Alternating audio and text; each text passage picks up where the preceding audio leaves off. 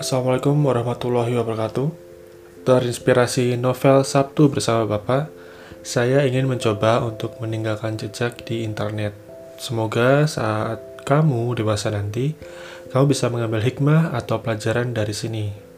Karena ini ditaruh di tempat yang bisa diakses semua orang, mungkin bisa berguna juga untuk semua orang yang mendengarkan episode ini. Rencananya ada 11 episode untuk catatan untuk masa depan. Ini adalah episode 3 dan pada episode kali ini saya mau bicara tentang ibadah. Jujur, saya awalnya bukan seseorang yang kuat dalam agama. Ya, sekarang pun masih belajar ya. Saya ingat saya SD itu masih suka bolong-bolong sholatnya. Rutin les ngaji tiap minggu. Ada guru yang datang ke rumah tapi ya udah ngajinya cuma pas ada guru ngajinya doang. SMP saya ada peningkatan selain sholat wajib, ada sholat sunnahnya, sering sholat duha, sholat tahajud, terutama kalau pas lagi ada ulangan, ulangan tengah semester, ulangan semester, ujian nasional, itu pasti semangat banget. SMA saya semakin kuat, tapi ada faktor karena ibu saya sakit. Ibu saya kena kanker kanker kolon kalau nggak salah itu kanker usus besar sempat operasi diambil itunya dipotong tapi ternyata ada kanker lagi kanker otak di saat itulah um, saya sangat serius dalam hal ibadah mendoakan agar beliau cepat sembuh, sehat, kembali seperti sedia kala. Namun itu tetap bukan sesuatu yang benar ya. Karena harusnya ibadah itu dikuatkan dari sedini mungkin saat kita masih kecil. Dari SD kuat, SMP kuat, dan seterusnya kuat. Pas lagi seneng, lagi sedih, pas lagi butuh sesuatu, kapan pun itu. Mungkin iman bisa naik turun, tapi kalau udah ada pegangan, udah ada pedoman, udah ada prinsip tentang agama yang kuat itu udah bagus.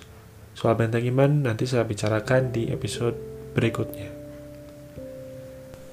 Intinya, jaga sholat, dengerin ceramah, ikut kajian, ngaji, sedekah. Itu akan membantu kamu memudahkan urusanmu di dunia dan di akhirat.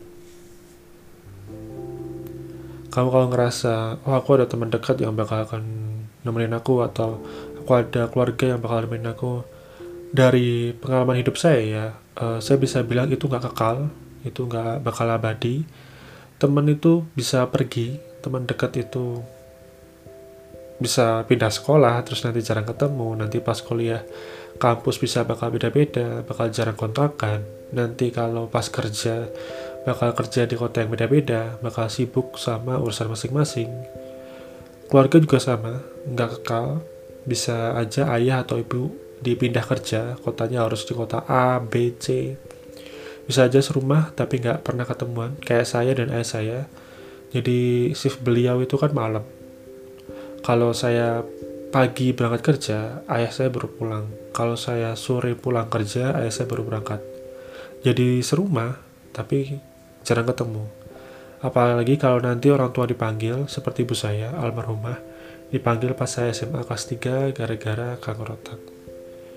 Ibadah, kembali ke Allah, karena yang lainnya bakal pergi, dan yang pasti kekal ya cuma Tuhan, cuma Allah. Yang bakal jadi tempat untuk kamu berdoa, cerita, berkeluh kesah, bersyukur. Coba kamu rutin ke masjid untuk ngerasain damai dan tenang, terutama yang cowok ya. Saya kalau ngerasa sepi, ngerasa kosong, paling bener memang ke masjid. Cari masjid yang bikin kamu damai, tenang, yang bikin kamu ngerasa nyaman, kayak berasa pulang ke rumah. Sholat di masjid, zikir, terus coba aja cerita dalam hati, seharian ngapain aja, atau cerita sehari ini mau ngapain aja. Cerita terus doa, minta dimudahkan, diringankan segala urusan. Sedekah di pagi hari itu juga bagus. Dengerin ceramah, sekarang ada banyak di YouTube ceramah-ceramah. Nyarinya gampang, cari ustadz aja yang cocok, cari tema yang kamu mau dengerin, cari tema yang kamu butuhin. Sempetin ngaji, jaga sholat, belajar lagi lagi tentang gerakan sholat bacaan sholat. Terus setelah sholat dikir pelan dibacanya dinikmati tiap bacaannya. Doa terus cerita butuhnya apa cerita. Kalau dikasih rezeki juga cerita. Bilang terima kasih bilang alhamdulillah. Kalau ada ujian juga cerita. Minta dimudahkan diringankan. Minta solusi atau jalan keluar yang terbaik itu aja tentang ibadah. Mungkin detail-detailnya bisa belajar dari yang lebih paham. Wassalamualaikum warahmatullahi wabarakatuh